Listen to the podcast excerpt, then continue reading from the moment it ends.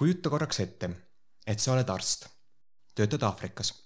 ühel päeval helistab sulle Ghana tervishoiuminister ja ütleb. meile väga meeldib see, mis sa teed. sa oled helge peaga ja energiat täis. meil on sulle üks missioon. anna meile nõu, kuidas ennetada meie riigis HIV ja AIDSi levikut. sa oled jahmunud ja sa ei oska esimese asjana midagi öelda. pilgutad silmi ja hakkad mõtlema, kuidas sellele pakkumisele üldse vastata. Üks võimalus oleks soovitada ministrile esimene mõte, mis sulle pähe tuleb Te peaksite korraldama avaliku teavituskampaania HIV ohtlikkuse kohta. ahaa, aga, aga miks just see lahendus? ma ei oskagi öelda, selline tunne on lihtsalt. ahaa, no hästi, ma pigem helistan kellelegi teisele. nagu näha, siis puusalt tulistades lahenduste pakkumine ei olnud hea mõte. Aga proovime teistsugust lähenemist. sina ütled. missioon vastu võetud, härra minister ja sa hakkad asja uurima. sa suhkeldud teaduskirjandusse. pärast mõne artikli lugemist leiad, et oli tõepoolest hea mõte esmalt veidi uurimustööd teha, kuna erinevate sekkumiste vaheline mõju on väga erinev. ühes uuringus näiteks levitati mitmes Aafrika riigis ohutuid süstlate kasutamise praktikaid. sealhulgas jagati tasuta ühekordseid süstlaid ja leiti, et see on üsna kulutõhus. aga mitu uuringut on suutnud sellest veel kümme korda tõhusamalt haigust ennetada sellega, et innustavad kogukonna liikmeid oma eakaaslasi haiguse riskide ja ennetusmeetmete osas harima. kümme korda tõhusamalt. see tähendab, et kui me tahame vähendada haiguskoormust, siis ainult sekkumise valikust võib olla meie mõju kas kümme korda suurem või kümme korda väiksem.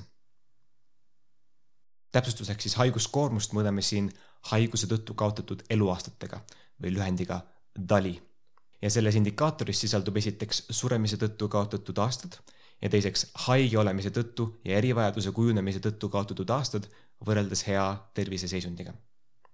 nii, sa tegid uurimustööd, leidsid kõige tõhusamad meetmed, helistad tagasi ministrile, ütled. tere, ma tegin ülevaate teaduskirjandusest ja ma oskan sulle soovitada kõige kulutõhusamat lahendust. Nüüd, mis selle loo juures on kõige tähelepanuväärsem ei ole mitte see, et Ghana minister teab sinu telefoninumbrit, vaid see, et sama probleemi kaks erinevat lahendust võivad olla niivõrd erineva mõjuga. mõelge, kümnekordne erinevus tähendaks seda, et kas kümne või saja tuhande inimese elu päästetakse. see tähendab, et, et oht on jätta üheksakümmend tuhat inimest abita lihtsalt sellepärast, et me ei suvatsenud uuringutele pilku peale heita. See tendents kipub olema veelgi suurem, kui me vaatame sekkumisi haiguste üleselt näiteks raamatus Disease Control Priorities in Developing Countries ehk eesti keeli haiguste kontrolli prioriteedid arengumaades. seal raamatus kirjeldatakse sada kaheksa tervishoiu sekkumist ja nendest kõige vähem tõhusama ja kõige tõhusama vahe on lausa viieteist tuhande kordne. isegi kui me võrdleme keskmist sekkumist kõige tõhusamaga, kaotame me potentsiaalsest mõjust kuskil üheksakümmend kaheksa protsenti. seega kõik see tähendab, et enne tegutsemist tasub ja lausa tuleb võtta hetk, et mõelda.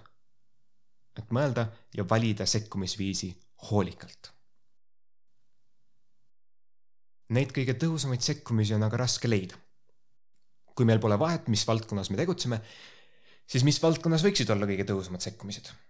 Kas need on seotud Alžeimeri raviga, varjupaigaloomade heaoluga, demokraatia edendamisega meil oleks nagu vaja meetodit, kuidas võrrelda valdkondade olulisust, et siis nendest kõige potentsiaalikamatest valdkondadest otsida kõige tõhusamaid sekkumisi. seega, kuidas võrrelda valdkondi? kui meil on ees otsus näiteks, kuhu annetada, kuhu tööle minna, millist sotsiaalmeedia postitust jagada, siis kuidas me peaksime otsustama, mis valdkonnale keskenduda? On see siis kliimamuutus, koolikiusamine, ebavõrdsus, midagi muud sellele küsimusele võib vastata erinevalt. kuid on üks raamistik, mille on välja töötanud Oxfordi vilistlaste algatatud teadusorganisatsioon Eighty Thousand Hours. see organisatsioon teeb uuringuid ja pakub karjäärinõu inimestele, kes soovivad teha võimalikult palju head. ja nende hinnangul tuleks valdkonna valikul keskenduda ennekõike kolmele küsimusele. esiteks, kui suure ulatusega see valdkond on. teiseks, kui kõrvale jäetud see valdkond on ja kolmandaks, kui lahendatav see valdkond on. ja räägime neist kolmest lähemalt. esiteks ulatus. ulatus tähendab seda, et kui paljusid inimesi või teisi elusolendeid see valdkond mõjutab ja kui suurel määral. ehk kui tegu on valdkonnaga, kus mõju avaldub vaid üksikutel juhtudel, näiteks tuumakatastroof, siis tuleks arvesse võtta ka sündmuse juhtumise oodatavat tõenäosust. Näiteks vaadelda, kui tihti see minevikus juhtunud on lisaks võib arvesse võtta selle, mis on probleemi lahendamise mõju tuleviku põlvkondadele. kas on nii, et kui see probleem saab lahendatud, siis ei olegi enam muret või tuleb selle probleemi lahendamisesse pidevalt ressursse juurde panna? nüüd piltlikult mõeldes tähendab ulatusele mõtlemine seda, et kui su ees on aed täis õunapuid ja su eesmärk on võimalikult palju õunu korjata, siis sa ilmselt otsiksid esmalt seda õunapuud, mis on kõige suurem ja kus tundub kõige rohkem õunu olevat. kentsakas oleks minna selle asemel väikese õunaistiku juurde, kus kasvab vaid üks väike roheline õun. ja sama põhimõte kehtib ka, kui mõtleme, et iga õun on üks päästetud elu. ja kui meil pole vahet, mis valdkonnas me tegutseme, miks me peaksime valima valdkonda, kus on vähe elusid, mida päästa? Näiteks ei ole suure ulatusega plastkõrtest loobumine see moodustab kogu ookeanidesse visatud plastikumassist vaid null koma null kaks protsenti. see tähendab, et isegi kui me suudaks kõik plastikkõrred lihtsalt nipsust ära kaotada, oleks reaalsuses väga vähe muutunud. ja päriselt plastkõrde kaotamine on, on oluliselt keerulisem, kuna need on odavad, mugavad, nad vastupidavad. selle asemel tuleks ehk vaadata, kust plastik päriselt tuleb. ja kust plastik päriselt tuleb, kaheksakümmend protsenti plastikust, mis ookeanidesse jõudnud on, on jõudnud sinna maismaalt jõgede kaudu ja valdav osa sellest Aasia jõgede kaudu. ja üllataval kombel tõvel kolmandik kogu plastikust, mis ookeanidesse jõuab, tuleb ühest riigist, Filipiinidelt. ja seda peamiselt kahel põhjusel. esiteks tegu on saarestikuga, see tähendab, et paljud linnad on lähedal ookeanile ja selle tõttu ning ka muude looduslike faktorite tõttu juba Filipiinidel toodetud plastik ookeanidesse palju suurema tõenäosusega võrreldes teiste riikidega. teine põhjus on see, et pakendimajandus on seal üsna vähe arenenud. kui me võrdleme näiteks majanduslikult arenenud riikidega, kus plastik põletatakse, taaskasutatakse või viiakse prügimägedele, siis, siis Filipiinidel on hooldamata prügi elaniku kohta sada korda rohkem kui näiteks Eestis või, või Ühendkuningriikides seega tõhusad sekkumiskohad, kui me tahame vähendada plastikut ookeanides, ei ole ilmselt mitte plastkõrtest loobumine, vaid äkki on hoopis seotud Filipiinide pakendimajandusega. see oli ulatus. teiseks, kõrvalejäetus. kõrvalejäetus tähendab seda, kui palju raha ja kui palju tööaega valdkonda panustatakse võrreldes teiste valdkondadega. Nüüd me mõtleme kõrvalejätusele sellepärast, et me eeldame, et mida rohkem ressursse, mida rohkem raha, mida rohkem tööaega valdkonda panustatakse, siis seda rohkem häid võimalusi juba ära võetakse. see tähendab, et kui me leiame valdkonna, mis on väga-väga oluline, aga mis saab väga vähe rahastust millegipärast või kus töötab väga vähe inimesi, siis on suur-suur tõenäosus, et seal on veel peidus eriliselt kulutõhusaid lahendusi, milleni keegi ei ole lihtsalt veel jõudnud nii, ja minnes tagasi meie õunaaia metafoori juurde, siis kui me kujutame ette, et sinu ees on õunaaed, seal on palju erinevaid õunapuid, palju erinevaid inimesi, kes korjavad õunu.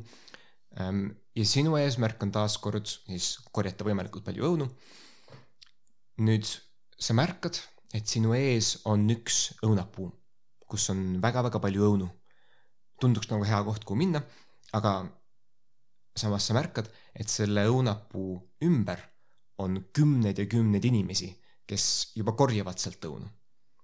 ja, ja sa näed, et, et kõige alumised õunad on juba ära korjatud, ülemiste õunade juurde mõned inimesed hüppavad, üks inimene toob redeli kuskilt kaugelt juurde, et, et, et saada veel kõrgemale. Ja, ja no sa kujutad ette, et kui sa läheksid veel sinna juurde, siis kõigepealt sa peaksid trügima teistest inimestest mööda, ehk siis sealt on raske õunu korjata aga selle asemel, et sinna teiste järgi tormata, tasub ringi vaadata ja otsida seda õunapuud, kus on palju vähem inimesi. äkki on näiteks nurga taga kuskil mõni puu, mis on varjus, ära peidetud, nii et keegi ei ole seda veel märganud. ja just seal võib olla peidus kõige rohkem just kergelt kättesaadavaid maitsvaid õunu. mitte seal, kus kõik inimesed juba on. ja kui me toome näite päriselust ühe kõrvale jäetud valdkonna kohta, siis selleks oleks näiteks psühhedeelikumide kasutamine vaimse tervise teraapial. nüüd tegu on kõrvale jäetud valdkonnaga, kuna psühhedeelikumid on paljudes riikides väga tugevalt reguleeritud ained. siis saada luba ja rahastust nendega eksperimente teha võib olla väga-väga keeruline. aga sellest olenemata esialgsed uuringud, mis on tehtud, on näidanud väga positiivseid tulemusi erinevate vaimsete haiguste ravimisel, nagu näiteks äh, ärevus, depressioon, posttraumaatiline stressihäire. seega selles valdkonnas võib ka ainult ühel produktiivsel teaduril olla väga suur mõju valdkonna arengule, kui ta uurib nii potentsiaale kui riske avatult, ilma tabudeta. ja kui me võrdleme seda näiteks vähiraviga, siis vähiravi saab selgelt rohkem tähelepanu palju rohkem inimesi tegeleb sellega. ja kuigi tegu on taaskord väga-väga olulise ja suure ulatusega valdkonnaga, siis just selle populaarsuse tõttu võib olla oluliselt keerulisem jõuda mõne avastuseni, milleni keegi teine seni jõudnud ei ole. seega võib-olla lihtsam oleks teha suuri avastusi kõrvale jäetud valdkonnades. see oli kõrvalejäetus. nüüd räägime lahendatavusest. lahendatavus tähendab seda, kui lihtne on selles valdkonnas edu saavutada? jällegi läheme tagasi õunapuu aeda. Ehm, seal metafooris tähendab see seda, kui kergesti on õunad kättesaadavad. kas nad on nii kõrgel, et pead hüppama või lausa puu otsa ronima või on nad ilusti käeulatuse kaugusel. päriselus tähendab see siis seda, et kas valdkonnas on juba olemas tõendatud ja kulutõhusaid sekkumisi või vähemalt ideid sekkumistest, mida tuleks lähemalt uurida kas piisab ainult tiimi kokkupanemisest ja asja ärategemisest või on inimesed kas täiesti tundmatuses selles osas, mida peaks tegema, et probleemi lahendada või tundub olevat olulisi takistusi probleemi lahendamisel. tuues päriselu näite, siis tervishoiu valdkonnas on ühed kõige tõendatumalt kulutõhusad lahendused malaaria leviku tõkestamisel. näiteks on kinnitanud mitmed juhuvalimiga uuringud, et sääsevõrkude jagamine on odav viis, kuidas haiguse levikut vähendada võrgud maksavad vähe raha ja sääserünnakud toimuvad tihti just öösel magades.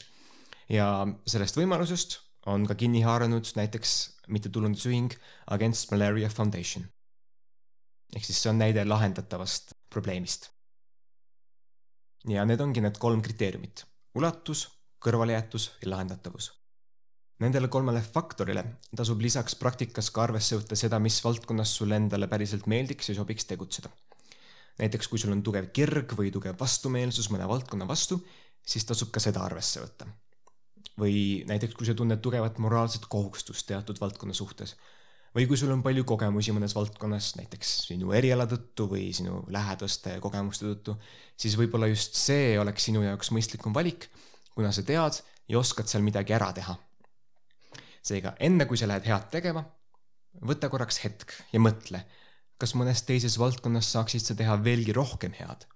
ja kas mõni teine valdkond oleks veelgi suurema ulatusega, veelgi kõrvalejäetum ja kergesti lahendatavam? kui jah, siis mine sinna